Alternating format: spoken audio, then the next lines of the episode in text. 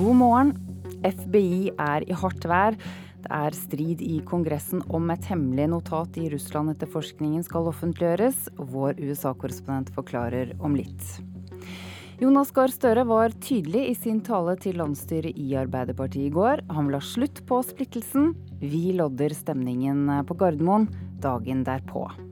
Går det an å gjøre det riktige og likevel tjene penger?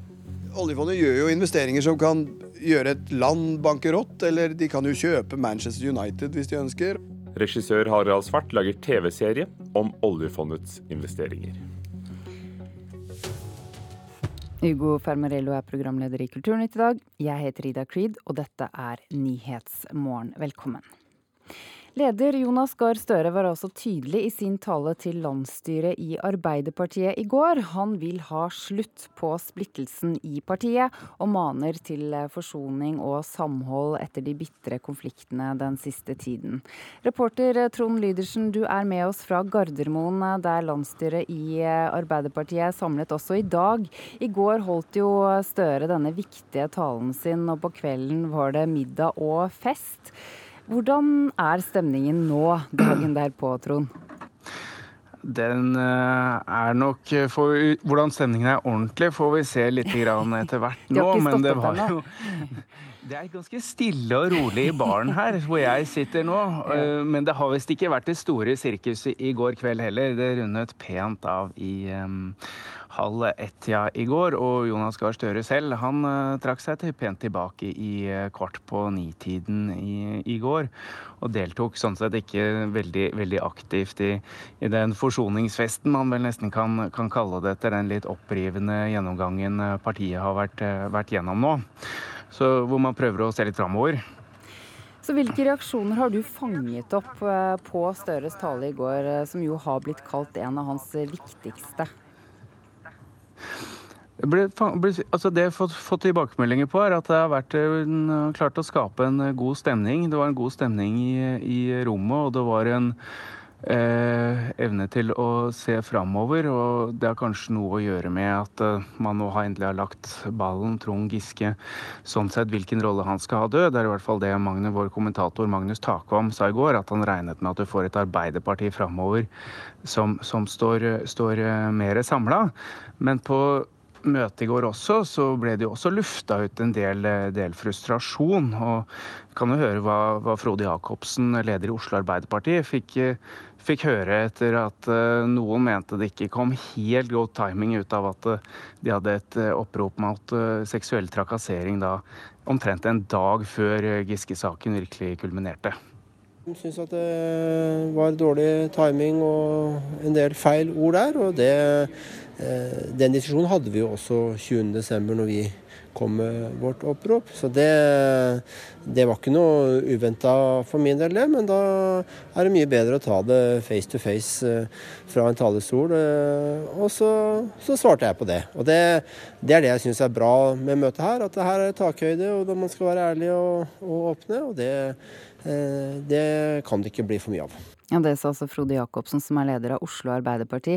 Hva er det som står på programmet for det videre landsstyremøtet i dag, Trond Lydersen?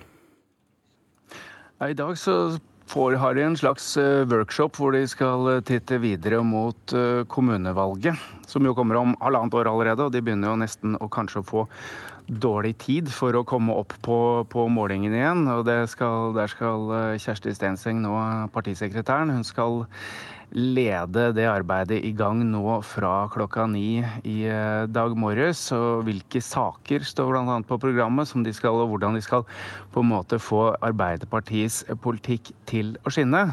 Men de har jo da en utfordring nå når Trond Giske ikke er i partiledelsen. Eh, og det er jo at de har en partiledelse hvor du har ingen nord for Dovre som, som er med. Hvordan skal de da vinne hele landet i kommunevalget? Vi kan høre vi utfordra Kjersti Stenseng på det i går. Det er litt som vi understreka i stad, at som partiledelse så skal vi uh, ta det ansvaret ekstra eh, nå. Uh, og se en partiledelse for hele landet.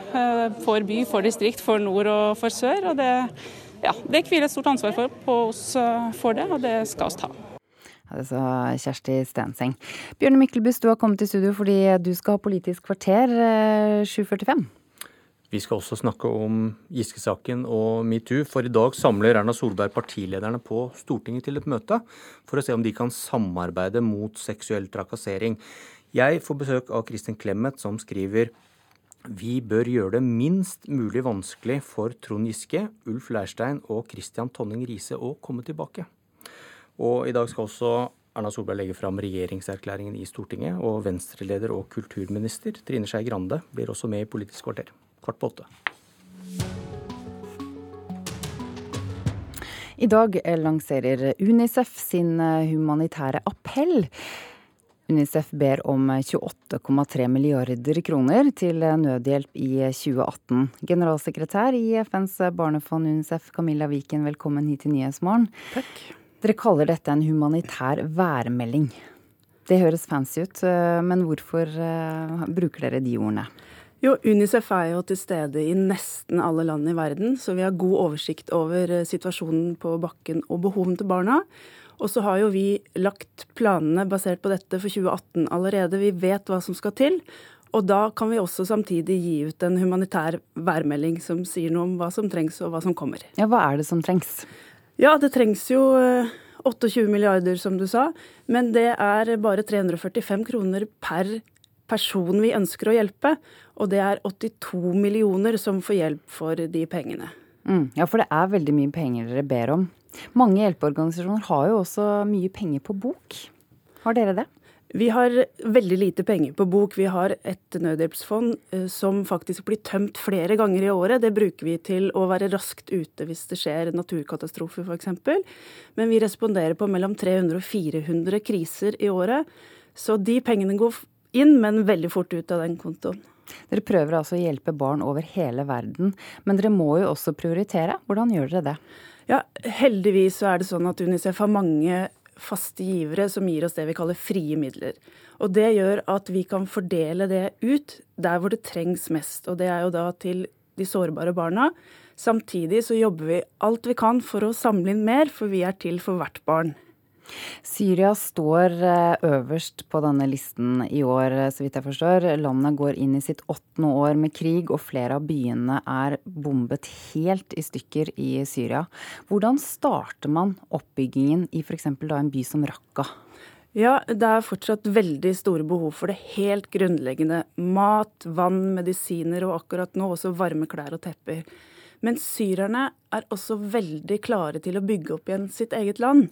Så når de får litt hjelp til det grunnleggende, så ønsker de selv å ta tak og bygge det opp igjen.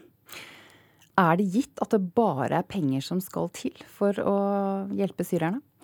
Det koster penger eh, med nødhjelp. Eh, men eh, Unicef jobber også hele tiden med å bruke ny teknologi. Jobbe med store partnere som NASA, Google og Facebook for å bruke data og kompetanse til å gjøre ting enda mer effektivt og raskere og smartere. Så ja, det koster penger å hjelpe, men det er også eh, måter som vi jobber med hele tiden for å få eh, mest mulig ut av hver eneste krone. Ja, har det blitt lettere eller vanskeligere å samle inn penger de siste årene? Ja, Det norske folk og Norge har vist stor giverglede. Men det vi ser eh, har blitt vanskeligere, er å fast, eh, samle inn til nettopp frie midler. Og det er jo de frie midlene som gjør at vi kan fordele pengene utover der hvor det trengs, ikke bare til de krisene som har stor medieoppmerksomhet.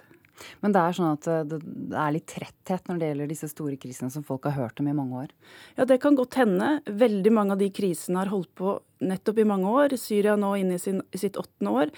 Og det er klart at eh, det kan man bli trøtt av. Men nå trengs pengene mer enn noen gang. 2018 er det større behov for barn enn noen gang tidligere. Takk for at du kom, og lykke til, generalsekretær i FNs barnefond UNICEF, Camilla Viken. Takk. Da skal vi se på hva noen av avisene skriver om i dag. Støttespillerne til spionsiktede Frode Berg ber Den norske kirke om hjelp til å legge press på norske myndigheter. Berg har jo sittet i fengsel i Moskva nå siden desember. En russisk eh, domstol skal til uken vurdere videre fengsling for Frode Berg. Saken opprører lokalsamfunnet og er en betydelig utfordring for Sør-Varanger menighet, skriver eh, kirkeverget Wenche Jessen Dervola og prest Torbjørn Brox Webber i et brev som bl.a. er sendt til mellomkirkelig råd. Det skriver VG i dag. Før gikk folk ut av bilen og tok av seg lua. Nå presser fremmede biler seg inn blant de sørgende. Vårt Land har bilde av en begravelsesbil på forsiden sin i dag, med overskriften 'Stopper ikke for døden'. Ritualene forvitrer, og vi har ikke lenger noen felles grep til å takle sorg og død. Det skriver en sosialantropolog i Vårt Land i dag. Stadig flere flypassasjerer nektes å fly og må tas hånd om av politiet. Luftfartstilsynet ser alvorlig på denne utviklingen, det skriver Adresseavisen i dag. Uregjerlige passasjerer som røyker på flytoalettene, trakasserer medpassasjerer og flybesetningen eller nekter å rette seg etter sikkerhetsinstrukser, er et økende problem i norske fly, sier direktør Wenche Olsen i fagavdelingen i Luftfartstilsynet til Adresseavisen altså i dag. Tilsynet mener den generelle økningen i antall flypassasjerer er noe av forklaringen på denne økningen i antallet uønskede hendelser om bord på flyene. Til USA nå, for republikanerne i den amerikanske kongressen bestemte i går at de skal offentliggjøre et hemmelig notat der det føderale politiet FBI beskyldes for å ha misbrukt makten sin til fordel for demokratene og mot Donald Trump. Og det er sannsynlig at dette hemmelige notatet kommer til å bli offentliggjort, sier USA-korrespondent Anders Magnus.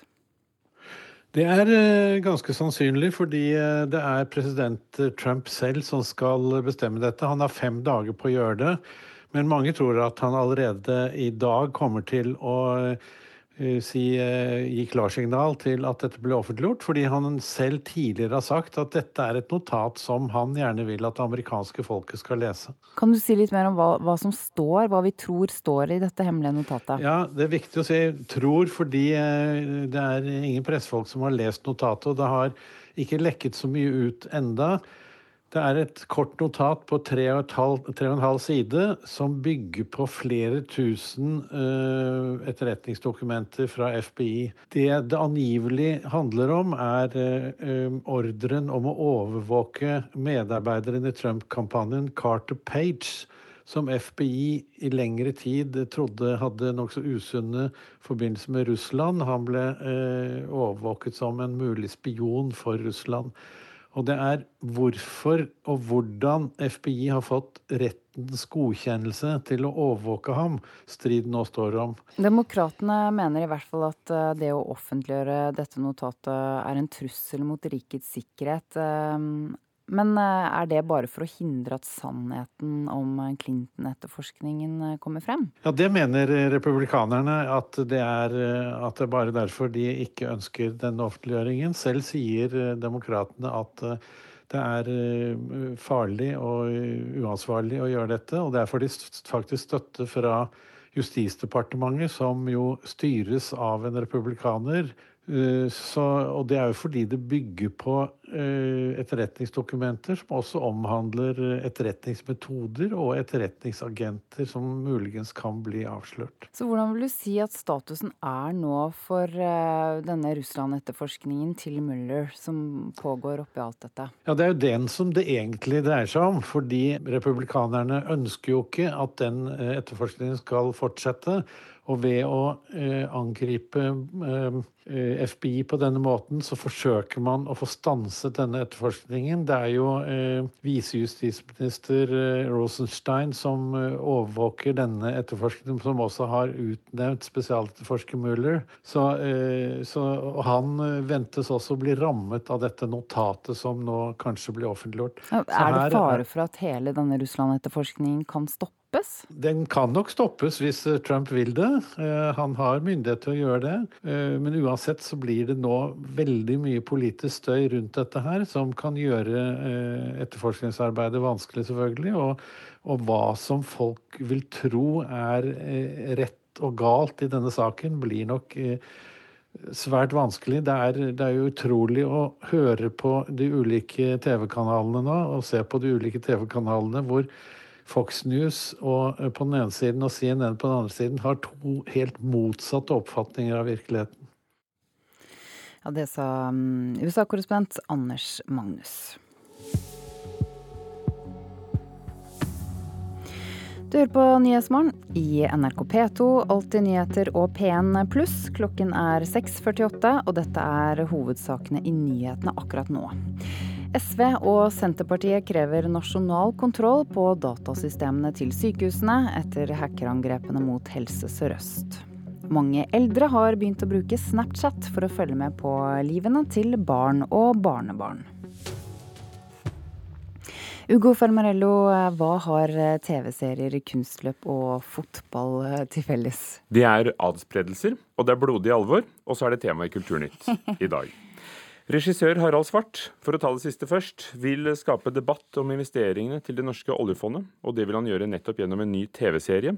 I en av hovedrollene har han fått med seg Thomas Gullestad, kjent som Jan Baalsrud i filmen 'Den tolvte mann', som fortsatt går noen steder på kino, som Svart også har regien på. Og denne TV-serien, som også inneholder ganske mye komedie, er i ferd med å spilles inn.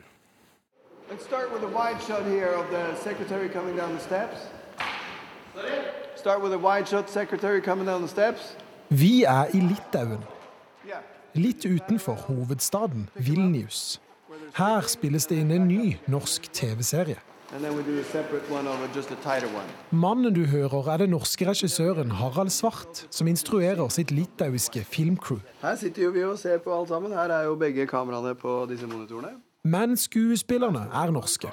Og en av dem har i det siste vist seg å være gull verdt for den erfarne regissøren. Det er en lekenhet hos Thomas og en naturlighet som er veldig takknemlig. De tok hele mannskapet.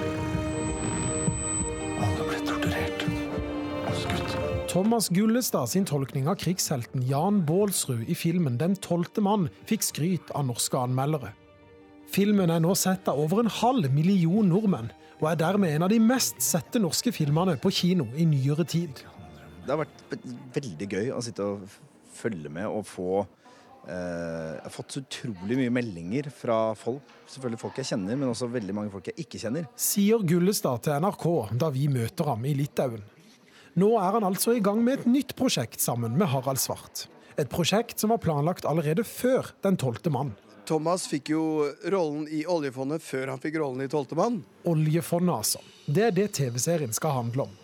Et humordrama på ti episoder som skal ta for seg de viktige, men også de komiske sidene ved at tilsynelatende vanlige nordmenn jobber med å forvalte 8000 milliarder kroner eid av det norske folk. Oljefondet gjør jo investeringer som kan gjøre et land bankerott, eller de kan jo kjøpe Manchester United hvis de ønsker. Statlig ansatte som sitter på en kontor og forvalter 8000 milliarder kroner. Eh, så den, bare den kontrasten der er jo veldig gøyal å ta tak i, da. Gullestad spiller en som jobber med å investere milliardene. Jeg gjør alt jeg kan da, for å få gjennom de avtalene, de kjøpene som jeg ønsker å få til, som jeg mener er helt supert for oljefondet. Men alle avtalene er ikke like etisk forsvarlige. Regissør Harald Svart ønsker med TV-serien å skape debatt rundt hva oljefondet investerer i. For serien har latt seg inspirere av virkelige hendelser og investeringer. Det er vanskelig å tjene penger og samtidig alltid være etisk forsvarlig. Fordi det er bedrifter som driver med altså landminer og barnearbeid og alt mulig sånt noe. Du ligger en slags kritikk her òg? Ja da, det ligger en debatt, gjør det. For det er, begge to har på en måte rett. Svart ønsker altså at vi skal lære litt mer om hvordan oljefondet faktisk forvaltes. Thomas Gullestad har allerede lært seg noen ord og uttrykk. Jeg har lært meg litt sånn businessuttrykk, men sånn emisjon har jeg lært. det betyr pengeinnsprøytning. Ja, det er noen flere. Jeg husker ikke. Det er så vanskelig å uttale. Betryggende kunnskap hos skuespiller Thomas Gullestad, og TV-serien har premiere på TV Norge til høsten 2019. Reporter var Christian Ingebretsen, som da også traff regissør Harald Svart. Fotball på fjernsyn kan sette prisrekord til høsten, i hvert fall for TV-selskapene. Kulturreporter Thomas Alvarstein Ove, hvordan henger det sammen? Dette handler om prisen TV-selskapene må betale for verdens mest populære fotballiga, nemlig Premier League i eh, Storbritannia. For i hjemmemarkedet så er det forventet en prisstigning på eh, hele 15% Og hvis dette viser seg igjen i Norge når fotballen og TV-bransjen skal forhandle om en ny avtale for 2019 til 2022, ja, da vil prisen bli presset over to milliarder kroner. Det skriver Dagens Næringsliv i dag. Men markedet er ikke det samme nå som i forrige runde av forhandlingene, altså, ikke, ikke fotballrunde. Hva blir, hva blir, annerledes? Jo, Det store spørsmålet er om det blir en konkurranse mellom TV 2, TV Norge og TV3 som tidligere, som alle kan putte fotballen inn i, i pakker vi betaler ekstra for som seere. Eller kommer Facebook til å melde seg på for å sende fotballkamper. For Premier League-sjefen har sagt at alle som har en distribusjonskanal, er velkomne til å by på fotballigaen. Og Facebook sier til eh, DN at sport er naturlig egnet for dem, fordi fotball eh, lett bygger samfunn og knytter verden sammen, akkurat slik vi til daglig bruker Facebook. Men det kommer ingen bekreftelse derfra på om de vil slåss om eh, engelsk fotball. Vi skal til Hollywood. So, can I ask you a hypothetical question? Oh, dear, I don't like hypothetical questions. Well, I don't think you're going to like the real one either. Do you have the papers?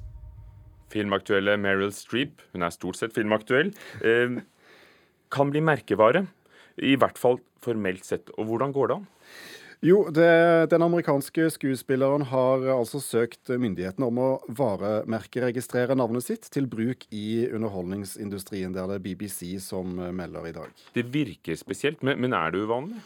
Faktisk ikke. Hun er slett ikke alene om å gjøre dette. Sean Connery har gjort det samme, og David Beckham og eh, hans kone Victoria Beckham har faktisk varemerkeregistrert hele familien.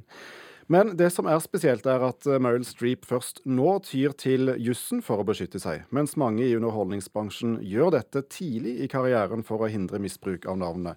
Så har hun ventet til hun nå er 68 år. Og vi må vente til eh, midten av februar. Da kommer altså filmen vi hørte fra her, hvor hun spiller den legendariske redaktøren av The Washington Post, Catherine Graham, Mary Streep altså, sammen med Tom Hanks. Takk, Thomas Alverstein Ove. Og Vi fortsetter med amerikansk film, men det er en liten forbindelse til Norge. Fredag er det premiere på filmen I, Tonja. Det handler om skandalene rundt den amerikanske kunstløperen Tonja Harding før OL på Lillehammer i 1994. Vår filmkritiker Birger Vestmo har sett den. Maybe you're just not as good as you think. Maybe you should pick another sport. Suck my dick. I, Tonja handler om Tonja Hardings uvanlige vei mot kunstløptoppen, omstendighetene rundt skandalen foran OL på Lillehammer, og hvordan det hele fikk en selsom konklusjon i Nordlyshallen på Hamar. Regissør Craig Gillespie forteller historien som en sort komedie, der man kan få en følelse av at figurene er overdrevent karikerte, hadde det ikke vært for arkivklipp mot slutten, som tyder på at ting ikke er spesielt overdrevet i det hele tatt. I, Tonja er derfor underholdende og hoderystende på samme tid. This is how it's done. Some of these girls have paid their dues. I don't give a shit. I outskated them today. Tonja Harding, spilt av Margot Robbie, utfordrer kunstløpkonvensjonene med sin rå og ufiltrerte personlighet, og samsvarer dårlig med miljøets syn på hvordan en kunstløper skal te seg, både på og utafor isen. Allerede som ung jente gifter hun seg med Jeff Gillooly, spilt av Sebastian Stan. Filmen skildrer deres mange opp- og nedturer, og hvordan Jeffs kjærlighet til Tonja resulterer i noen uheldige beslutninger. En tvilsom kamerat tar på seg å få noen til å skremme Nancy Kerrigan for å bedre Tonjas sjanser i OL, men tar oppdraget i en litt mer alvorlig retning enn planlagt. Come on! What kind of friggin' person bashes in their friend's knee? Oscar-nominerte Alison Janney gjør en tragikomisk rolle som Lavona, den kjederøykende og seriebarnende mora med en iskald innstilling. Sebastian Stan er òg god som Jeff Gillooly, en enkel og godhjerta sjel som dessverre òg har et eksplosivt temperament som Tonja får merke smertelig godt. Dualiteten i personligheten formidles godt av Stan. Margot Robbie er naturlig nok filmens store stjerne. Hennes Oscar-nominerte portrett av Tonja vekker både sympati og hoderysting, men figuren hun spiller, virker å være en naturlig konsekvens av oppvekstkår og familieforhold. Desto sterkere er det å se hennes konkurranseinstinkt i en så vakker og grasiøs sport som kunstløp. I mean, when I was a kid, did you ever love me or anything? You think Sonia Henny's mother loved her? I, Tonja er en underholdende film som forteller bakgrunnen for skandalen som satte sitt preg på Lillehammer-OL. Ikke forvent vetta og troll i filmen, for ikke et sekund er filma i Norge, og det er et minimum av referanser til OL i 1994. Men I, Tonja er uansett en godt fortalt røverhistorie, som er både morsom og sørgelig samtidig. My entire life, I've been told I wouldn't amount to anything. You know what? Maybe I would. Birger Vestmo er vår kritiker. Filmen kommer på fredag.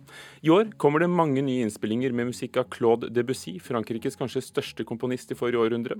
Én gammel og kjent pianist og en helt ung har spilt inn nye plater. Dem anmelder vi i Kulturnytt om en times tid. Politiets eh, sikkerhetstjeneste er bekymret over nazistorganisasjonen Den nordiske motstandsbevegelsen. Vi skal snakke med frilansjournalist Henrik Evertsson, som har fulgt den nordiske motstandsbevegelsen på innsiden i over to år. Han er på vei inn i studio, men først Dagsnytt. Du hører en podkast fra NRK P2.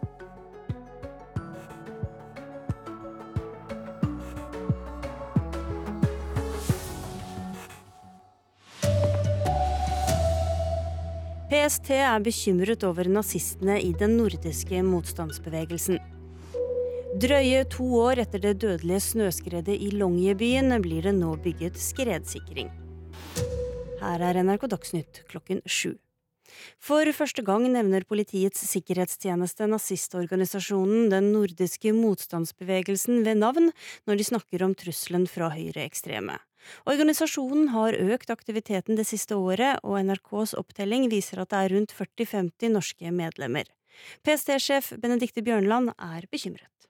Deler av miljøet, spesielt knyttet til eh, den nordiske motstandsbevegelse, der organiseres det bedre. Eh, og det bedrives også organisert radikalisering og rekruttering inn til miljøet. Det er første gang jeg hører dere prate om denne organisasjonen. Eh, hvorfor gjør dere det? Det har jo vært et tydelig avtrykk av organisasjonen eh, ut i det offentlige rom. De prater om seg selv. Eh, de demonstrerer under en samlet fane. Og sånn sett så tenker vi det også er riktig å adressere det fra vårt ståsted.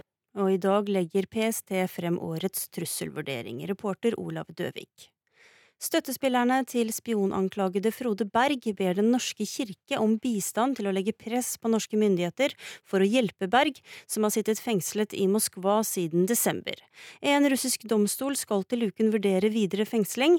Saken opprører lokalsamfunnet og er en betydelig utfordring for Sør-Varanger menighet, skriver kirkeverget Wenche Jessen Darvola og prest Torbjørn Brox Weber i et brev som blant annet er sendt Mellomkirkelig råd, ifølge VG.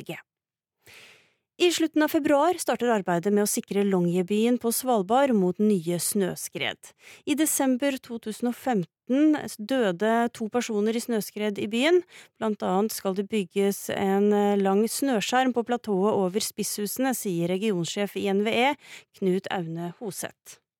Det første som vi starter med nå i slutten av, av februar, eh, det er å bygge det vi kaller for snøsamleskjerm oppe på uh, platået overfor selve lia.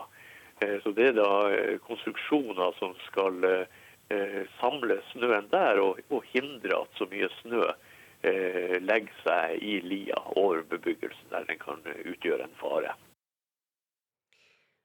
Arbeidstilsynet registrerte 27 dødsfall i det landbaserte arbeidslivet i Norge i fjor. Antallet arbeidsskadedødsfall holder seg på et historisk lavt nivå, og er godt under gjennomsnittet for de siste seks årene, som var på 36 dødsfall. NRK Dagsnytt, Tonje Grimstad.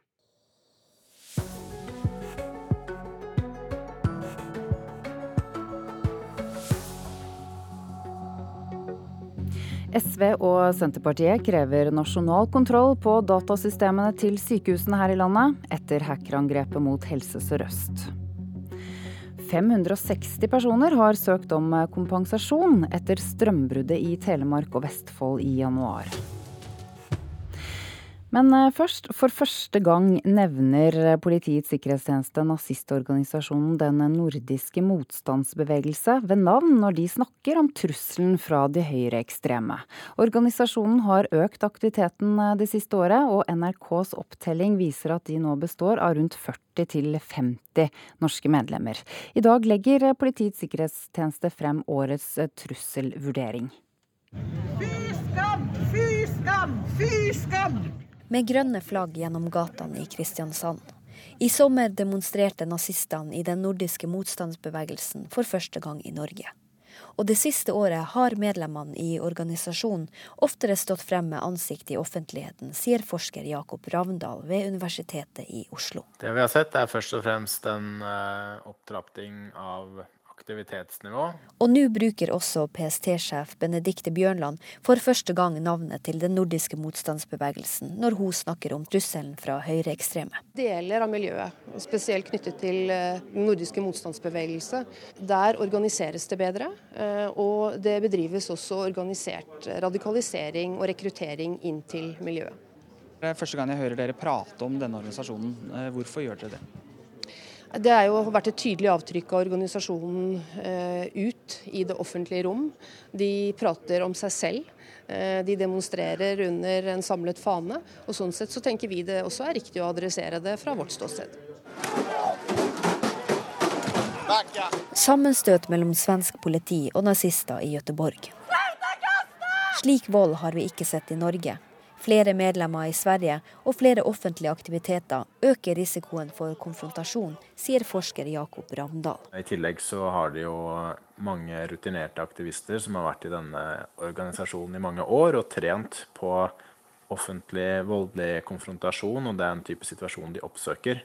Sånn sett så er den norske avdelingen fremdeles mye mer urutinert og, og har kanskje ikke den samme eh, selvtilliten i forhold til det å gå til voldelig konfrontasjon eh, enda. Så, men vi kan ikke utelukke at det, det, kan skje i fremtiden. Reportere her var Kristine Svendsen og Olav eh, Døvik. Vi har fått i studio eh, frilansjournalist eh, Henrik Evertsson. For du fulgte den nordiske motstandsbevegelsen på innsiden i over to år, og var med på å lage Brennpunkt-dokumentaren 'Rasekrigerne'. Hvorfor ville du gå tett på akkurat denne organisasjonen?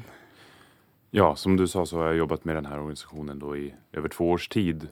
Och under den här tiden har man också sett då den här med mycket mer aktivitet från den här organisationen. Mycket större och eh, ja, våldsammare demonstrationer. Så det var, väckte min eh, journalistiska nyfikenhet då. Hvordan skiller den nordiske motstandsbevegelsen eh, seg fra andre nynazistiske grupperinger i Norge og i Norden? Ja, jag tyckte att eh, Benedikte Björnland eh, formulerade det ganska bra i inslaget som vi just hörde också. Att nordiske Nordiska motståndsrörelsen är ju väldigt gott organiserad och har en ideologisk kärna på andra sätt som vi har sett i tidligere eh, dylika organisationer. Då. Ja, vad består den ideologien av? Den vilar ju på en nationalsocialistisk idé då. Egentligen så är det på många sätt eh, en ja, en videreføring av Adolf Hitlers ideer, egentlig. Mm. Uh, og de demonstrerer, det er noe av aktiviteten. Men hva ellers driver de med? De har jo en, eh, en veldig eh, betydende propaganda. Framförallt på, på internett då, men også i form av stand som vi har sett i, i Sverige i stor del. og, og even at man legger då til eksempel deres propaganda i, i brevlådor. Det har vært en, en metode her i Norge då primært. Hva slags folk er det som er med? Det är väl egentligen från alla samhällsgrupperingar och alle alla åldrar. Och det är både män och kvinnor. Den typiske typiska medlemmen i Nordiska motståndsrörelsen är väl framförallt en man mellan 25 och 35 med, ja, från arbetarklassbakgrunn. Mm. Hva er det den nordiske motstandsbevegelsen ønsker å oppnå, eh, slik du ser det? Ja, I vår film eh, 'Raskrigarna' som vi gjorde i Brännpunkt då, så, så formulerer de egentligen det selv, at de vil ha et enat Norden eh, med, for det nordiske folket, som da skal være rasrent. Så som de beskriver det. Det er deres fremste mål, altså. Mm. Mm. Ja, er de farlige, slik det blir hevdet her? Det er jo naturligvis så at det ikke I Norge så er denne grupperingen ganske liten. Og at de skulle være farlig for allmennheten, holder jeg for ganske osannolikt. Men derimot så er det jo en polarisering i samhället der vi har en venstreautonom gruppering som också som de her trisser jo opp hverandre, og det kan jo naturligvis spä på polariseringen då, på lang sikt. Mm. Så hvem er hovedfiendene deres? Det er vel egentlig Det de selv mener, er jo etablerte politikere från, som da beskytter det liberale demokratien, helt enkelt. De har jo f.eks. demonstrert med, med plakater der det står folkforbrytere folk forbrytere og folkforrædere. Det er vel den, den, framfor alt den store hovedfienden, mener de. da. Mm. Men mener du at vanlige folk eh, trenger å, å, være redd denne gruppen? Nei, det syns jeg ikke. Men jeg, jeg forstår jo at, at Politiets sikkerhetstjeneste jobber fokusert med, med sånne her organisasjoner. Det er jo noe de også sikkert i sin kommunikasjon vil være tydelige med. Va? Så, mm. Takk for at du kom hit til Nyhetsmorgen, frilansjournalist Henrik Evertsson, som også har fulgt den nordiske motstandsbevegelsen på innsiden i to år. Både SV og Senterpartiet krever at helseministeren sørger for nasjonal kontroll over datasystemene til helseforetakene. I dag møter helseministeren i Stortinget for å redegjøre for IT-sikkerheten i Helse Sør-Øst. Etter hackerangrepene er det lagt lokk på all informasjon om sikkerhetshullene i Helse Sør-Øst. Nicholas Wilkinson i SV er bekymret. Men det har vært masse rot med sikkerheten på vår helseinformasjon. Nå forventer vi at helseministeren forklarer hvorfor rotet har kommet, og hva han vil gjøre for å rydde opp igjen. I dag må helseminister Bent Høie møte i Stortinget for å redegjøre for IT-sikkerheten i Sykehus-Norge. Etter hackerangrepet er det lagt lokk på all informasjon om sikkerhetshullene i Helse Sør-Øst men Stortinget er urolige og krever svar på hvordan sykehusene styrer hvem som har tilgang til pasientinformasjonen. Det er jo helt avgjørende for oss at pasienter føler seg trygge på at vi har ivaretatt eh, personsensitiv informasjon på en eh, trygg og sikker måte. Sa sjefen i Helse Sør-Øst Katrine Lofthus til NRK i mai i fjor. Hele utflaggingen av IT-infrastrukturen ble satt i bero fordi det viste seg at det var umulig å sette ut datasystemene uten å gi full tilgang til pasientinformasjon om 2,9 millioner nordmenn.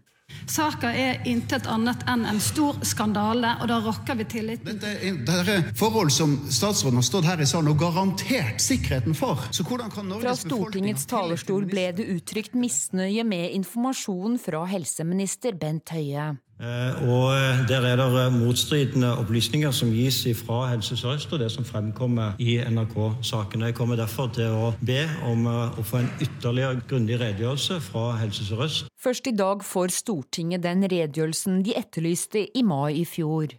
Og nå tar Nicolas Wilkinson, helsepolitisk talsmann i SV, til orde for nasjonal kontroll over infrastrukturen i Sykehus-Norge. Jeg håper jo at han vil si at de nå snur, vil slutte med privatisering av grunnleggende datasystemer. Også Kjersti Toppe, helsepolitisk talsperson i Senterpartiet, vil ha stopp i outsourcingen av helse-IT, og etterlyser nasjonal kontroll. Vi er svært kritiske til det Høie har gjort det inntil nå, for det er jo en veldig alvorlig situasjon eh, i helsevesenet.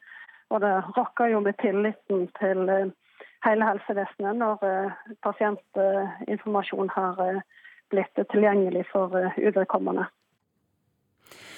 NRK har tidligere avslørt at IT-arbeidere fra Asia, Øst-Europa og Israel har hatt tilgang til sensitive pasientinformasjon. Reportere her var Line Tomter og Anne Cecilie Remen. 560 personer har søkt eh, Skagerrak Nett om eh, kompensasjon fordi de mistet strømmen i januar i Vestfold og Telemark. Mellom 3000 eh, og 5000 boliger ble strømløse etter det store snøfallet. Hos Inger Kalleberg i Svarstad i Larvik kommune ble det også helt mørkt. Er strømmen borte i inntil 24 timer, eh, så har du krav på 600. Skulle strømmen være borte eh, mer enn 24 timer, så har du krav på 2000 kroner. Og er den borte mer enn 48 timer sammenhengende, så er beløpet 4700 kroner. I kontrollrommet hos leverandørene overvåkes nettet hele tiden, men strømbrudd er ikke til å unngå når uvær setter inn. Erstatningsordningen som ble etablert i 2007 av Norges vassdrags- og energidirektorat NVE, skal motivere nettselskapene til å drive kontinuerlig vedlikehold av nettet og rydding av traseene for å unngå strømbrudd. Huseiernes Landsforbund tror svært få vet om denne muligheten for kompensasjon, og det er ikke vanskelig å klage, sier Meyer. Jeg har sjekket alle de store nettselskapene. De har enkle klageskjema liggende tilgjengelig på nettet. Få opplysninger som skal fylles ut, lett å sende inn. Eh, så her er det bare å være bevisst forbruker og eh, kreve det du som forbruker har eh, rett til. Du kan klage til alle strømleverandører, og uansett hvilken strømavtale du har. Det er en forskjell i regelverket på om det er bolig eller fritidseiendom.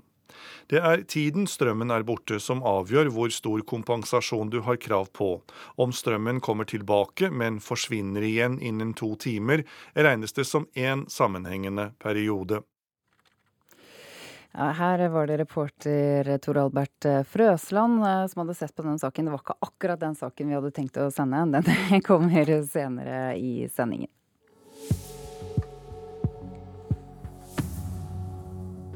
Klokken er blitt 7.15. Det er Nyhetsmorgen du lytter til, og dette er hovedsakene nå. Politiets sikkerhetstjeneste er bekymret over nazistorganisasjonen Den nordiske motstandsbevegelsen. To år etter det dødelige snøskredet i Longyearbyen blir det nå bygget skredsikring. Og i dag innleder prins William og hertuginne Kate et to dager langt besøk i Sverige, før de reiser til Norge på torsdag. Og vi har med oss reporter Kristi Marie Skrede fra Stockholm om noen minutter. Men først, i Catalonia stålsetter både motstanderne og tilhengerne av uavhengighet foran en ny dag med politiske konfrontasjoner. For lørdag bestemte den spanske grunnlovsdomstolen at det ikke er lovlig å gjeninnsette den avsatte presidenten. Charles Puigdemont eh, uten at han selv er til stede, i hvert fall. Og Puigdemont, eh, som vant nyvalget i desember i allianse med de andre separatistpartiene, har vært i eksil i Belgia, der du er eh, europakorrespondent Philip Lote, hva slags eh, scenarioer er det som kan utspille seg i og rundt parlamentet i Catalonia i dag?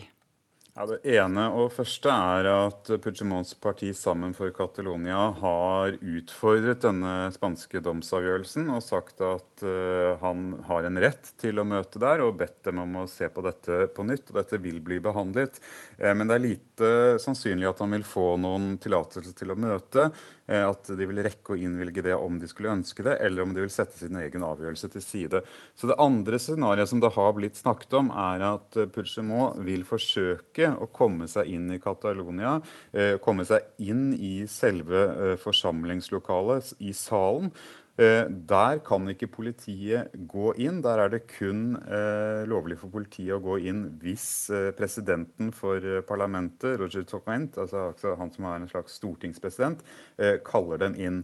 Så da vil han kunne bli valgt, men vil da mest sannsynlig bli Eh, eh, arrestert eh, på vei ut hvis han skulle komme seg inn. Og i dag så har spansk politi satt opp ganske strenge kontroller langs grensen opp til Frankrike. For da de hadde folkeavstemningen i i høst så smuglet de jo inn valgurner over denne grensen. Så de har tatt uh, en del forhåndsregler og satt i kraft en del tiltak.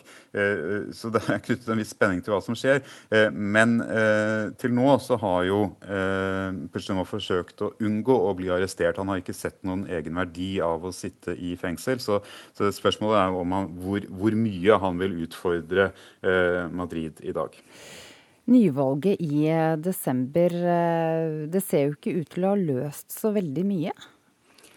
Nei, eh, det har jo da gitt Catalonia en forsamling som ligner på den forrige, hvor de tre uavhengighetspartiene har, eh, fremdeles har flertall og fremdeles ønsker å gjeninnsette Puigdemont, og noe Madrid eh, nekter. Eh, så Sånn sett så er, så er dette her ikke noe spesielt lett å håndtere, og det er ingen som helt vet hvordan dette her skal slutte. og Eh, blant annet så sier jo EUs egen president for regionene i Europa at han tror dette kan ta eh, mange mange måneder. Eh, Carl Heinz Lambert sier at han ikke har snakket med Puigdemont direkte, men at han følger med. Og han mener at begge parter har skyld i dette, men ikke helt ser hvordan dette kan løses i et intervju med nettavisen EU Observer i går. Betyr det at det kan bli enda et nyvalg, Philip Lota? Det kan bli det, men det ønsker ikke uavhengighetspartiene. For de er jo redde for å miste det flertallet de klarte å vinne på nytt igjen. Og særlig eh, det nest største, Eskerra, som er et eh, republikansk venstreparti, sentrums-venstreparti, de sier at til syvende og sist, hvis vi risikerer å miste dette flertallet, så er, kan det være bedre Eh, å velge en annen eh, president, en annen kandidat fra uavhengighetsleiren. Men dette vil, vil kunne være splittende eh, på de tre uavhengighetspartiene, og det er jo litt av det Madrid ønsker å oppnå. Så, så her er det mye taktikk, taktikk, det handler mye om å vinne tid. Og det er fremdeles ganske kaotisk, og det tærer jo selvfølgelig på tålmodigheten til både vanlige folk, politikere og alle andre. Mm, takk for at du følger med på dette for oss, europakorrespondent Philip Lota. Vi skal videre til Sverige, for i dag starter eh, prins William og hertuginne Kate et eh, to dager langt besøk i Sverige før de reiser til eh, Norge på torsdag. Reporter Kristi Marie Skrede i Stockholm, du skal dekke besøket for NRK. Hva skal de to kongelige gjøre i Sverige? Ja, her i Stockholm så skal de lære å spille bandy. De skal gå på brustein i Gamla stan besøke varehuset NK og oppleve skjærgården. Og så skal de møte vanlige folk, noe de sjøl sier i en pressemelding fra det britiske hoffet eh, er veldig veldig viktig for dem. Eh, I tillegg så skal de da etter lunsj med kongen og dronningen og te med kronprinsesseparet. Og etter middag med statsminister Löfven og Hollywood-kjendisene Stellan Skarsgård og Alicia Vikander. Så det er et veldig tett program, og overskrifta her på alt dette her er å bygge relasjoner mellom Sverige og Storbritannia. For det høres jo liksom mest hyggelig ut, men det er selvfølgelig en uh, seriøs uh, undertone. Brexit er et stikkord her, er det ikke det? Jo, altså Det er jo britisk UD som har bedt hertugparet ta denne turen for å gi forholdet mellom Sverige og Storbritannia en ny giv. Det samme gjorde de i fjor, da de reiste til Frankrike, Tyskland og Polen. Og andre i familien har jo vært i andre sentrale europeiske land. Så eh, dette faller jo sammen med brexit-forhandlingene, og det er flere britisk presse som har trukket de slutningene at dette handler om å sjarmere Europa i en vanskelig politisk tid for Storbritannia. Mm. Her i Sverige så kaller de det for fjesktur eh, i pressa i dag. Smisketur. Mm. Hvordan er egentlig forholdet mellom det britiske og det svenske kongehuset? Ja, Det er jo et visst slektskap her òg, som det er mellom alle kongelige i Europa. Men eh, jeg leser i, i svensk presse i dag at, eh, at, forholdet har vært noe kjølig. Det blir lagt vekt på at eh, de ikke har prioritert å komme i de store eh, bryllupene de siste åra med, med, de sentrale. altså Prins William har ikke vært i noen av de store bryllupene. Og han gikk til og med rett forbi de svenske prinsene Carl Philip og Daniel under OL i London, når de prøvde å helse på han. Eh, så det blir spekulert i her om at dette er en sjanse for de kongelige å komme nærmere hverandre. Mm. Hvor opptatt er britene av besøket i Sverige? Det er iallfall veldig mange britiske pressefolk som følger eh, hertugparet både til Sverige og til Norge. Rundt 50 eh, pressefolk eh, kommer med den, eh, den eh, kongelige delegasjonen. om det er fordi de er superkjendiser i den kongelige verden og alltid godt stoff i media, eh, eller om det er et viktig besøk eh, på andre måter. det som er helt sikkert, er at politisk så er ikke dette besøk verken i Sverige eller i Norge som er blitt prioritert høyt. Det er ingen egne møter med statsministrene i våre land. Men de skal jo møte dem på middagene. Ja, så Hva slags betydning får besøket da, egentlig? Det er jo britene blir det sagt, som har størst behov for eh, disse besøkene. Eh, pleie forholdene.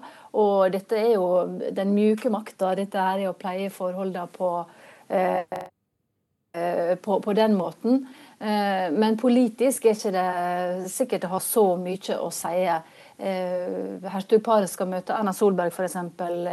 torsdag på middag på Slottet. og og statsminister Löfven på middag i kveld. Men bortsett fra det er det lite politisk i disse møtene. Vi kommer i hvert fall til å dekke besøket i Sverige, men også da selvfølgelig når de kommer videre til Norge på torsdag. Takk til deg, reporter Kristi Marie Skrede med fra Stockholm sport nå. I en eh, ny tysk dokumentar hevdes det at eh, Vladimir Putin var informert om alt dopingjukset i OL i Sotsji for fire år siden, reporter i Sporten Pål Thomassen. Hva annet nytt har kommet frem eh, i dag? Ja, Tysk TV mener at IOC har behandla russerne med silkehansker etter avsløringene da, om langvarig systematisk dopingjuks. Eh, der de som skulle foreta dopingprøver, faktisk gjorde det motsatte, hjalp utøverne til å unngå å bli tatt. Mange russere ble ikke sjekka grundig nok før sommer-OL i Rio, mener eh, TV-kanalen ARD. Og eh, det med at Putin skal ha vært informert av tidligere sportsminister Mutko, kommer jo også fram da i den første dokumentaren Ikaros. Putin har allerede avkrefta det og beskyldt varsleren, den tidligere laboratoriesjefen Rotsjenkov, Eh, for å være mentalt ustabil. Mm.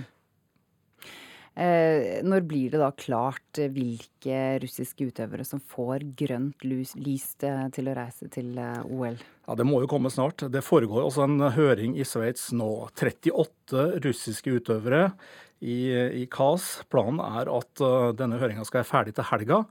Den endelige dommen der er venta å komme på mandag. Det er altså da sakene til Legkov, Vyleksanin og co. som behandles nå. De fleste ekspertene tror at uh, dommen blir stående, da.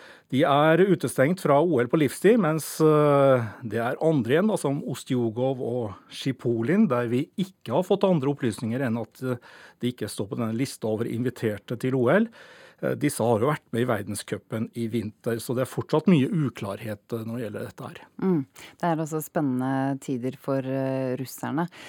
Dette programmet, eller den nye dokumentaren, sendes på NRK2 i morgen, er det sånn? Det stemmer. Takk for at du kom opp trappa fra sporten, Pål Thomassen.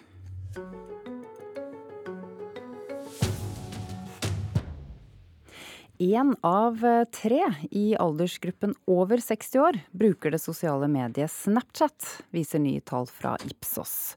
Halvparten oppgir at de bruker eh, denne appen hver dag. For eh, det er gjerne barn eller barnebarn som har lastet ned appen for at de eldre skal få følge med på det som skjer. Jeg lurte på, Er det noen som er på Snapchat? Ja. ja. ja. Damene på eldresenteret Skippervorset i Stavanger er en liten del av den eldste aldersgruppen på Snapchat, men de er slettes ikke de eneste. En av damene rundt bordet er Marit Røfsnes, som er 73 år gammel. Barnebarna lastet ned appen på telefonen hennes og hjalp henne å komme i gang. Nå får hun et større innblikk i hverdagen deres og de små og morsomme tingene som skjer. Vi har barn og barnebarn, og de vil selvfølgelig sende hilsener og vise hva de har holdt på med, eller spist for den slags skyld. Så det, det, det er årsaken til at vi har det. Det er nok ikke noe vi har funnet på sjøl. Nye tall fra Ipsos viser at så mange som en tredjedel av de som er over 60 år, bruker appen. Årsaken er barn og barnebarn. Enten det er å holde kontakten eller bare gi små oppdateringer om hva som skjer i hverdagen. Så syns jo det likevel er litt koselig. Vi er raske med å ta den opp og se på den. Det er litt kjekt, syns jeg i hvert fall, å, å få snapper. Marit har forståelse for at noen kan synes det er vanskelig å håndtere Snapchat, men mener at det ikke er store feil å gjøre. Når vi blir over 70, så er det gjerne litt vanskelig å trykke på knapper. Det kan være skummelt, fordi tenk om vi mister alt. Og når du da får prøvd det litt, så går det greit. Så det er ikke vanskelig, det er det ikke. Sosiale medier-ekspert Laurie McGregor har en teori om hvordan de eldre kommer seg på Snapchat. Selv om vi ser at Snapchat er liksom kongemediet blant uh, ungdom i dag, så er det en veldig sterk vekst blant de over 60, og at den veksten kommer egentlig i hovedsak fra, fra eldre kvinner. Og min mistanke er at dette er mødrene våre, rett og slett, som ønsker å holde kontakt med, med ungdommene sine, som ikke nødvendigvis er så keen på å ringe og sende SMS lenger. Marit har ikke noe problem med å bruke Snapchat. Hun bruker det ikke nødvendigvis for å få bedre kontakt med barn og barnebarn, men heller som en plattform der de kan dele små utsnitt av dagen. Det er et stort spekter på hvilke snapper Marit får. Ja, i dag har vi spist. Se, mamma, hva vi har spist. Se det deilige. I dag er det et halvt år siden vi traff hverandre, så i dag feirer vi. Eller i dag er vi på ski. Se hvor flinke mine er blitt. Et eller annet sånt. Det, det, er for å vise, og, for, og det, da samler du jo ikke opp bildene. De forsvinner jo hvis du ikke vil ta bilde av de da. Enten det er å holde kontakt eller bare dele små hendelser fra dagen, så har Laurie en oppfordring. En uh, Få bestemoren din på Snap. Hun kommer til å trives der. Reporter her var eh, Siri Markussen. Det er straks eh, klart for Dagsnytts hovedsending 7.30 med Tonje Grimstad. Du hører en podkast fra NRK P2.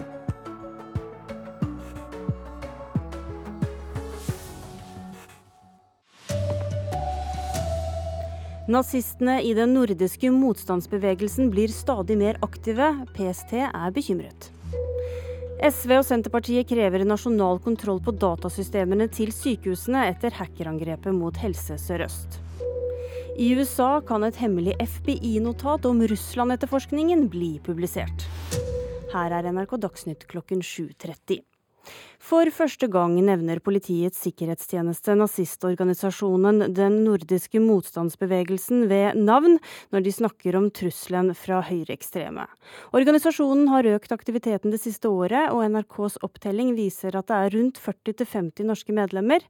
I dag legger PST frem årets trusselvurdering. Fy skam! Fy skam! Fy skam! Med grønne flagg gjennom gatene i Kristiansand. I sommer demonstrerte nazistene i den nordiske motstandsbevegelsen for første gang i Norge. Og det siste året har medlemmene i organisasjonen oftere stått frem med ansikt i offentligheten, sier forsker Jakob Ravndal ved Universitetet i Oslo. Det vi har sett er først og fremst en uh, opptrapping av aktivitetsnivå. Og nå bruker også PST-sjef Benedicte Bjørnland for første gang navnet til den nordiske motstandsbevegelsen når hun snakker om trusselen fra høyreekstreme. Deler av miljøet, spesielt knyttet til den eh, nordiske motstandsbevegelse, der organiseres det bedre. Eh, og det bedrives også organisert radikalisering og rekruttering inn til miljøet. Det er første gang jeg hører dere prate om denne organisasjonen. Eh, hvorfor gjør dere det? Det har vært et tydelig avtrykk av organisasjonen eh, ut i det offentlige rom. De prater om seg selv. Eh, de demonstrerer under en samlet fane. og Sånn sett så tenker vi det også er riktig å adressere det fra vårt ståsted. Sammenstøt mellom svensk politi og nazister i Gøteborg. Slik vold har vi ikke sett i Norge. Flere medlemmer i Sverige og flere offentlige aktiviteter øker risikoen for konfrontasjon, sier forsker Jakob Ramdal. Det er en type situasjon de oppsøker. Sånn sett så er den norske avdelingen fremdeles mye mer urutinert og, og har kanskje ikke den samme eh, selvtilliten i forhold til det å gå til voldelig konfrontasjon eh, enda. Så, men vi kan ikke utelukke at det, det kan skje i fremtiden reportere Kristine Svendsen og Olav Døvik. Og det er usannsynlig at den nordiske motstandsbevegelsen er farlig for allmennheten. Det mener frilansjournalist Henrik Evertsson, som fulgte nazistgruppen i over to år og var med på å lage Brennpunkt-dokumentaren 'Rasekrigerne'. Det er jo naturligvis eh, så at det ikke I Norge så er denne grupperingen ganske liten. Og eh, at de skulle være farlig for allmennheten eh, holder jeg for ganske usannolikt. Men derimot så er det ju en polarisering i samhället där eh, vi har en vänsterautonom gruppering som också eh, som de här trissar upp varandra och det kan ju naturligtvis spä på polariseringen då på lång sikt. Både SV og Senterpartiet krever nasjonal kontroll over datasystemene til helseforetakene. I dag møter helseministeren i Stortinget for å redegjøre for IT-sikkerheten etter hackerangrepet mot Helse Sør-Øst. SVs Nicolas Wilkinson er bekymret. Men det har vært masse rot med sikkerheten for vår helseinformasjon. Nå forventer vi at helseministeren forklarer hvorfor rotet har kommet, og hva han vil gjøre for å rydde opp igjen. I dag må helseminister Bent Høie møte i Stortinget for å redegjøre for IT-sikkerheten i Sykehus-Norge. Det er jo helt avgjørende for oss at pasienter føler seg trygge på at vi har ivaretatt eh, personsensitiv informasjon på en eh, trygg og sikker måte. Sa sjefen i Helse Sør-Øst Katrine Lofthus til NRK i mai i fjor. Hele utflaggingen av IT-infrastrukturen ble satt i bero fordi det viste seg at det var umulig å sette ut datasystemene uten å gi full tilgang til pasientinformasjon om 2,9 millioner nordmenn. Først i dag får Stortinget den redegjørelsen de etterlyste i mai i fjor. Og nå tar Nicolas Wilkinson, helsepolitisk talsmann i SV, til orde for nasjonal kontroll over infrastrukturen i Sykehus-Norge. Jeg håper jo at han vil si at de nå snur, vil slutte med privatisering av grunnleggende datasystemer.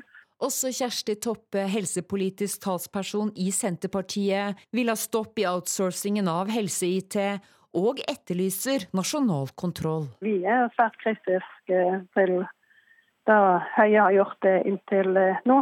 Og det rokker jo med tilliten til eh, hele helsevesenet når eh, pasientinformasjon har blitt tilgjengelig for uvedkommende. Reportere Line Tomter og Anne Cecilie Remmen.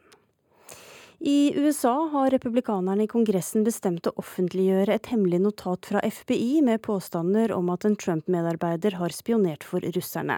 Demokratene stemte imot fordi de mener en offentliggjøring kan true rikets sikkerhet.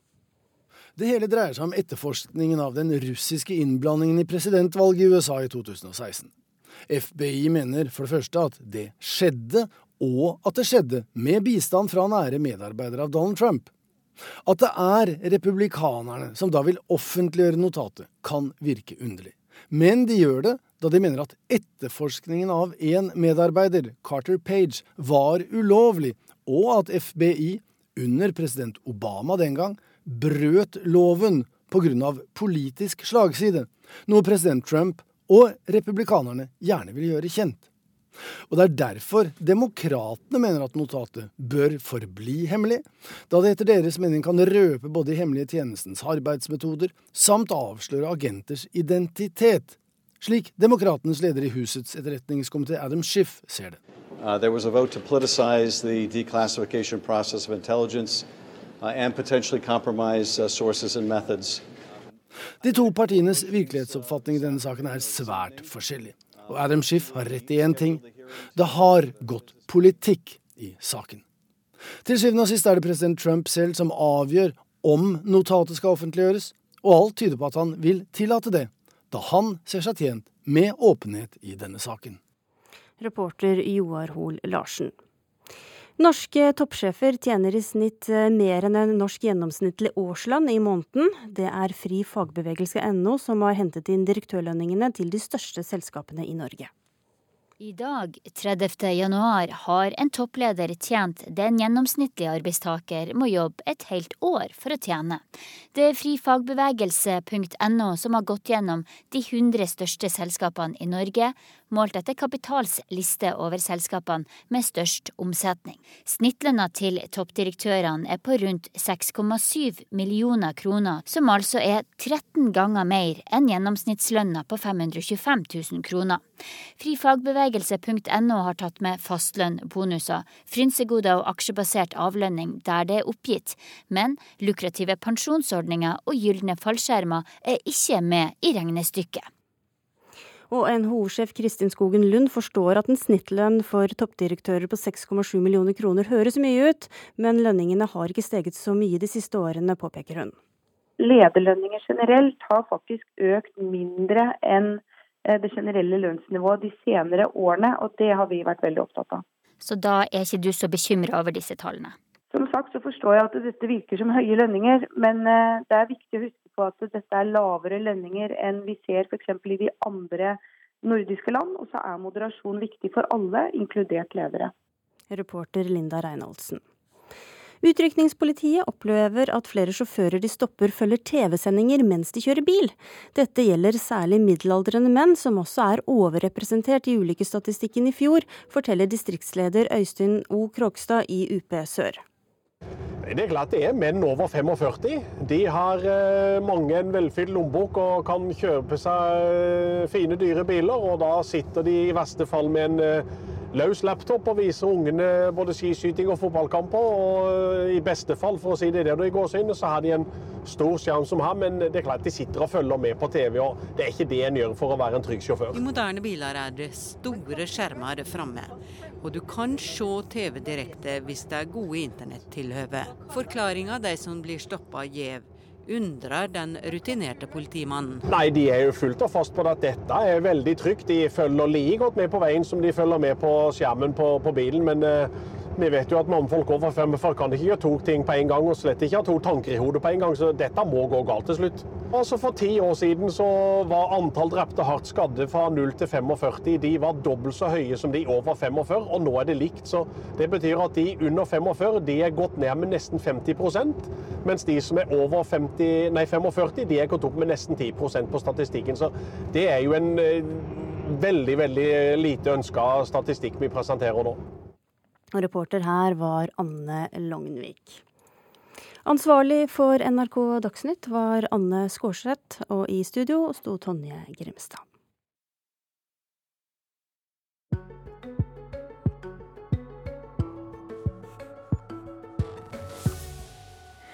Viltgjerder burde være en selvfølge langs alle veier der det er fare for påkjørsler. Det mener leder Siri Martinsen i dyrevernorganisasjonen NOAH. Hun mener det bør lages en utvidet plan for forebygging av viltpåkjørsler. Dette er nemlig et stort problem. Tall fra Hjorteviltregisteret viser at det har vært 350 elgpåkjørsler her til, lands, her til lands så langt i år, og det er 80 flere enn i januar i fjor. Vegetasjonen er veldig nært inntil veien. Eh, elgen står og beiter, er perfekt kamuflert. Når han plutselig bestemmer seg for å gå en annen vei, da, så er han midt i veibanen. Det forteller Frank Formoe, som bor rett ved den trafikkerte innfartsåra til Harstad. Ofte ser han elger som går forbi huset med kurs mot fylkesveien. Vi ser han bare mer og mer, og at han har funnet seg et nytt beitegrunnlag, nærmest. Der de liker seg best, er oppe med riksveien. Der vi dessverre hadde flere elgpåkjørsler bare i år. 350 elg er påkjørt av bilførere i Norge så langt i år. Det er 80 flere sammenlignet med hele januar i fjor. Det burde jo være slik at eh, ved planlegging av ny infrastruktur og også da med gammel infrastruktur, så har man mye mer fokus på Eh, hvordan eh, menneskelig aktivitet påvirker dyr. Det sier leder Siri Martinsen i dyrevernorganisasjonen NOAH. Hun krever at veimyndighetene må lage en utvida plan for å hindre at dyr blir påkjørt. Viltgjerder burde egentlig være en selvfølge langs alle veier og toglinjer hvor det er eh, en stor fare for denne type påkjørsler. Men kan ikke dette bli uforholdsmessig dyrt? Det er jo nettopp årsaken til at det ikke har blitt gjort. At man eh, da tenker at eh, økonomien går foran. Men eh, det er jo faktisk både dyrevelferd og menneskeliv det handler om. Man vet jo at viltgjerder forebygger påkjørsler av dyr. Og man vet også at belysning og rydding av skog langs veier gjør det. Ja, der står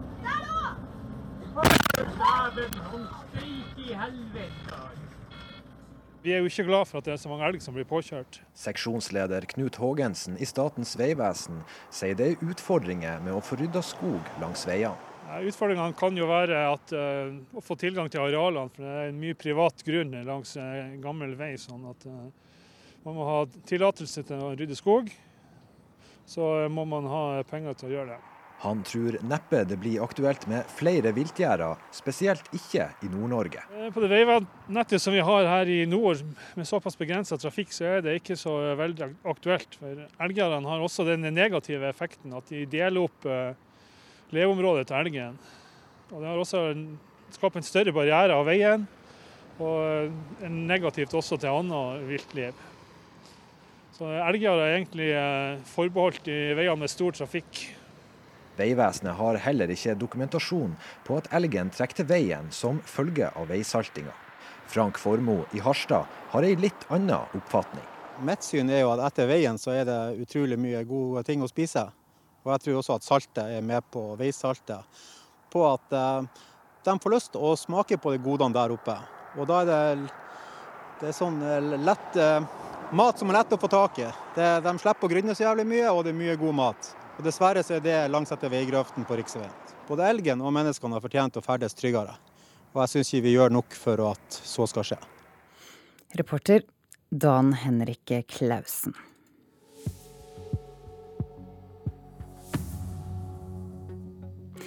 Du lytter til Nyhetsmorgen på P2, Alltid nyheter eller P1 pluss. Dette er de viktigste sakene denne morgenen. Nazistene i den nordiske motstandsbevegelsen har blitt mer aktive. Politiets sikkerhetstjeneste er bekymret. SV og Senterpartiet krever nasjonal kontroll på datasystemene til sykehusene etter hackerangrepet mot Helse Sør-Øst. I USA kan et hemmelig FBI-notat om Russland-etterforskningene bli publisert. Det er straks klart for Politisk kvarter. Det er Bjørn Myklebust som sitter klar med gjester.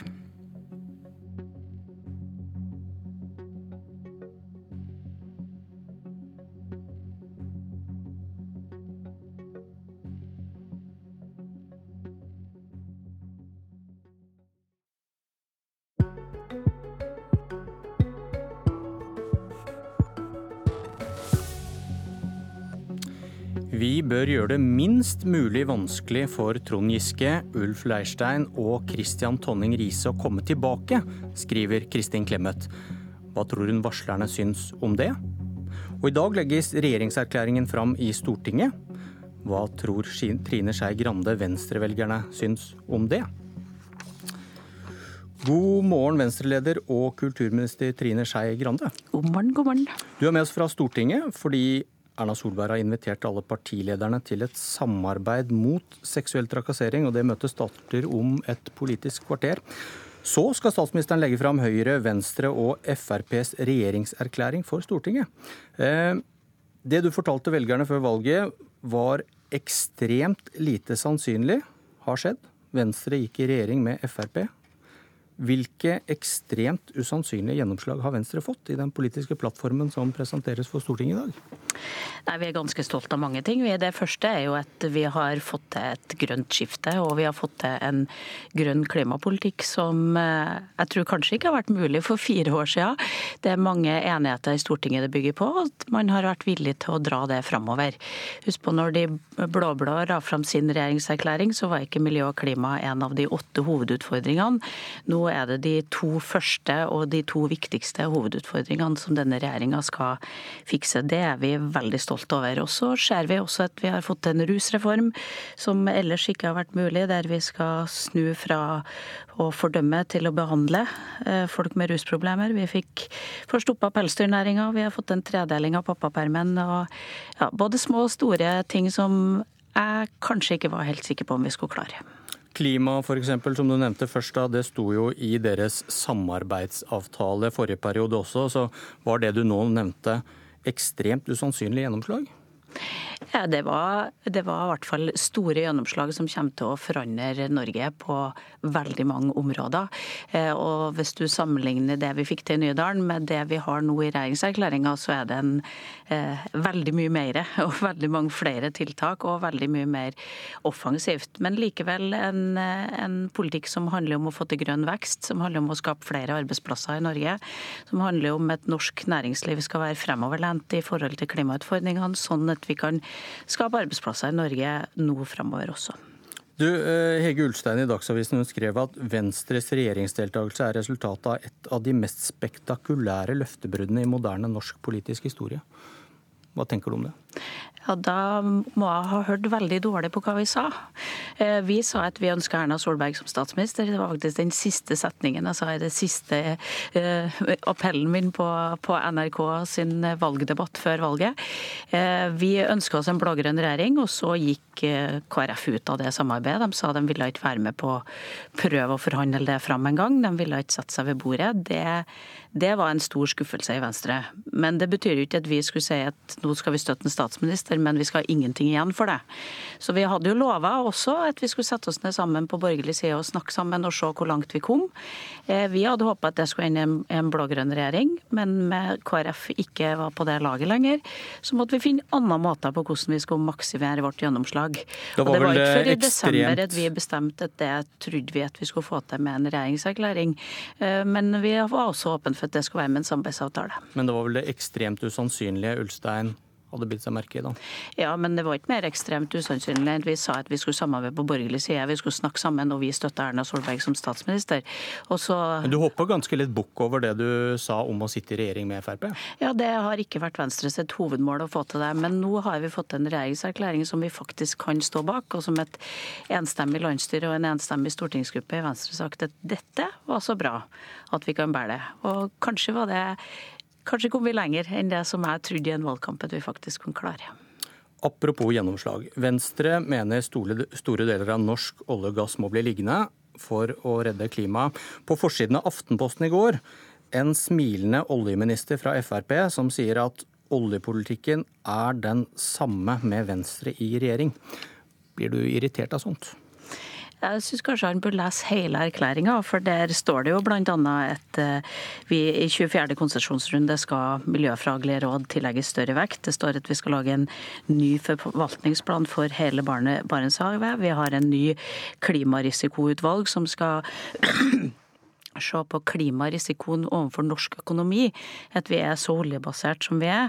Eh, og vi har en regjeringserklæring som vel for første gang sier allerede fra dag én at Lofoten, Vesterålen, Mørebanken, alle de viktige og sårbare områdene skal, skal, ikke utbygges. Det er et ganske stort skifte. Og så tror jeg nok at Søviknes kommer til Det er vel akkurat det samme som sto i samarbeidsavtalen, det siste du nevnte om de sårbare områdene? Ja, men det sto ikke i noen, har ikke stått i noen regjeringserklæring før det. Dette var en kamp som når SV også fikk stoppa det det eh, de gjorde mens de satt i regjering. Og jeg tror nok at Søviknes kommer til å merke at vi sitter ved det bordet. Og så er det sånn at Venstre har åtte stortingsmandater bak seg. Det betyr at vi får ikke endra alt, men det kommer nok til å merkes også på dette feltet.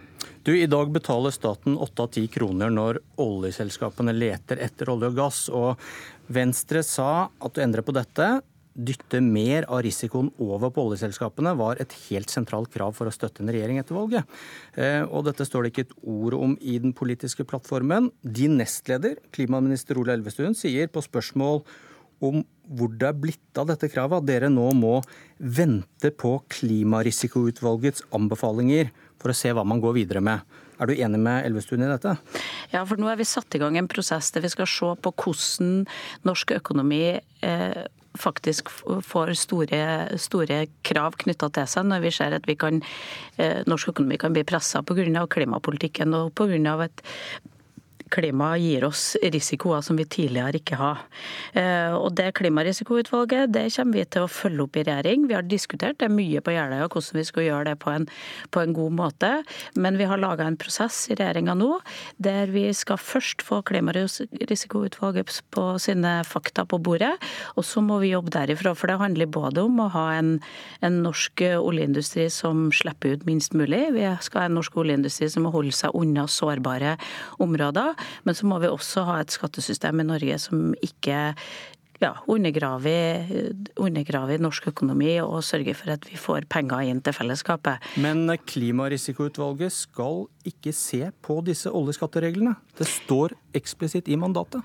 Ja, men vi kommer til å følge opp det som videre når det, den utvalget sin vurdering ligger på bordet. Er Siv Jensen enig i det, at det ligger i kjølvannet av dette, da skal vi se på disse reglene? En regjering må til enhver tid forholde seg til de økonomiske utfordringene de står overfor. Det har Siv visst med stor tyngde at hun har klart når, du... vi har når vi opplevde nedgangen i oljeprisen. Og vi må forholde oss til de økonomiske risikoene som ethvert land blir utsatt for men, til enhver tid. Men for at det du sier nå skal være troverdig, da skulle det vel stått eksplisitt i en framforhandlet regjeringsplattform at dette skal vi se på, som Venstre syns var så viktig. Det står ingenting. Jeg tror at, eh, jeg må bare si at hvis, eh, hvis, noen tror at alle de seirene vi har vunnet, har vi allerede vunnet fra dag én, så har jeg ambisjoner om at vi også skal jobbe med mange ting videre i dagene framover. Kan du ikke bare si at dette fikk vi ikke til, denne kampen den tapte vi? Du får måle oss hvor langt vi har kommet om fire år, da.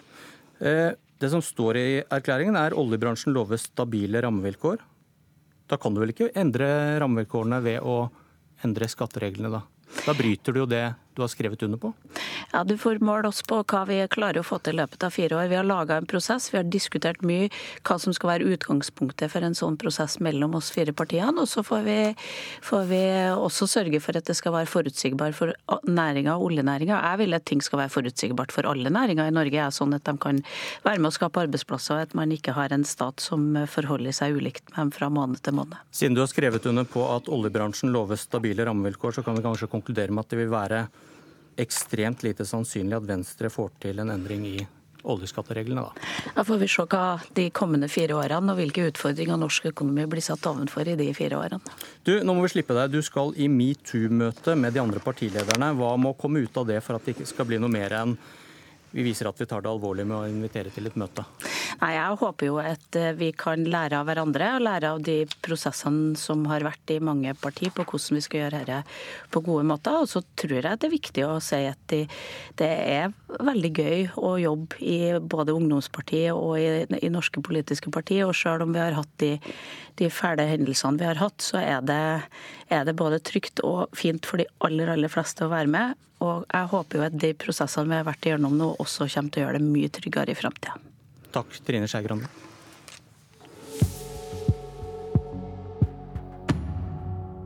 Så la meg gjenta. Tapt tillit kan vinnes tilbake.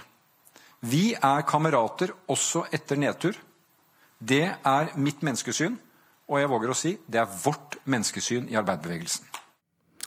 Det sa Jonas Gahr Støre til sitt landsstyre i går, om Trond Giske, som har gått av som nestleder.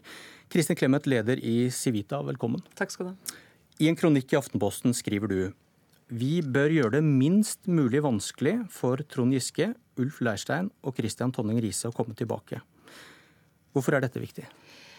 Ja, Det er to ting som det dreier seg om. og Det ene er jo det som gjelder for alle i vårt samfunn. Nemlig at de som har gjort noe galt, juridisk og eller moralsk, eh, skal ha en mulighet til å gjøre opp for seg eh, og starte på nytt. Det gjelder for dem som for alle andre. Men det jeg skriver om her, er det som er litt spesielt for disse tre. Og det er jo at eh, De er jo selvfølgelig kjent for alle. De har vært gjenstand for et massiv medieoppmerksomhet, som er en pris å betale for å ha levd et offentlig liv. Men det de har felles, selv om sakene deres forskjellige, det er at de er stortingsrepresentanter. Og selv om de har mistet posisjoner, makt, tillit og anseelse, og det med rette, så er det ingen som kan frata dem vervet som stortingsrepresentanter, og de kan heller ikke frasi seg det vervet. Det har med Grunnloven å gjøre.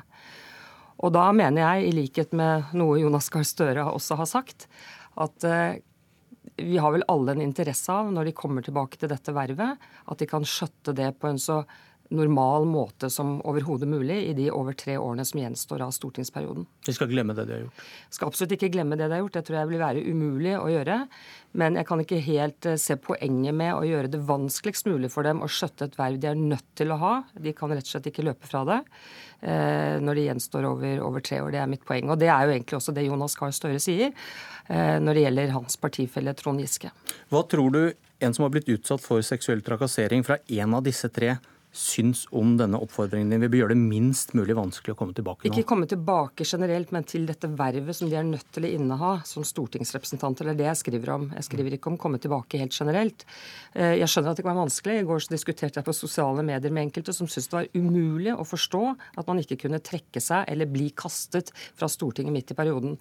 Og det er sikkert noe som kanskje Stortinget vil drøfte for fremtiden en eller annen gang, men det er regler som det tar år å endre.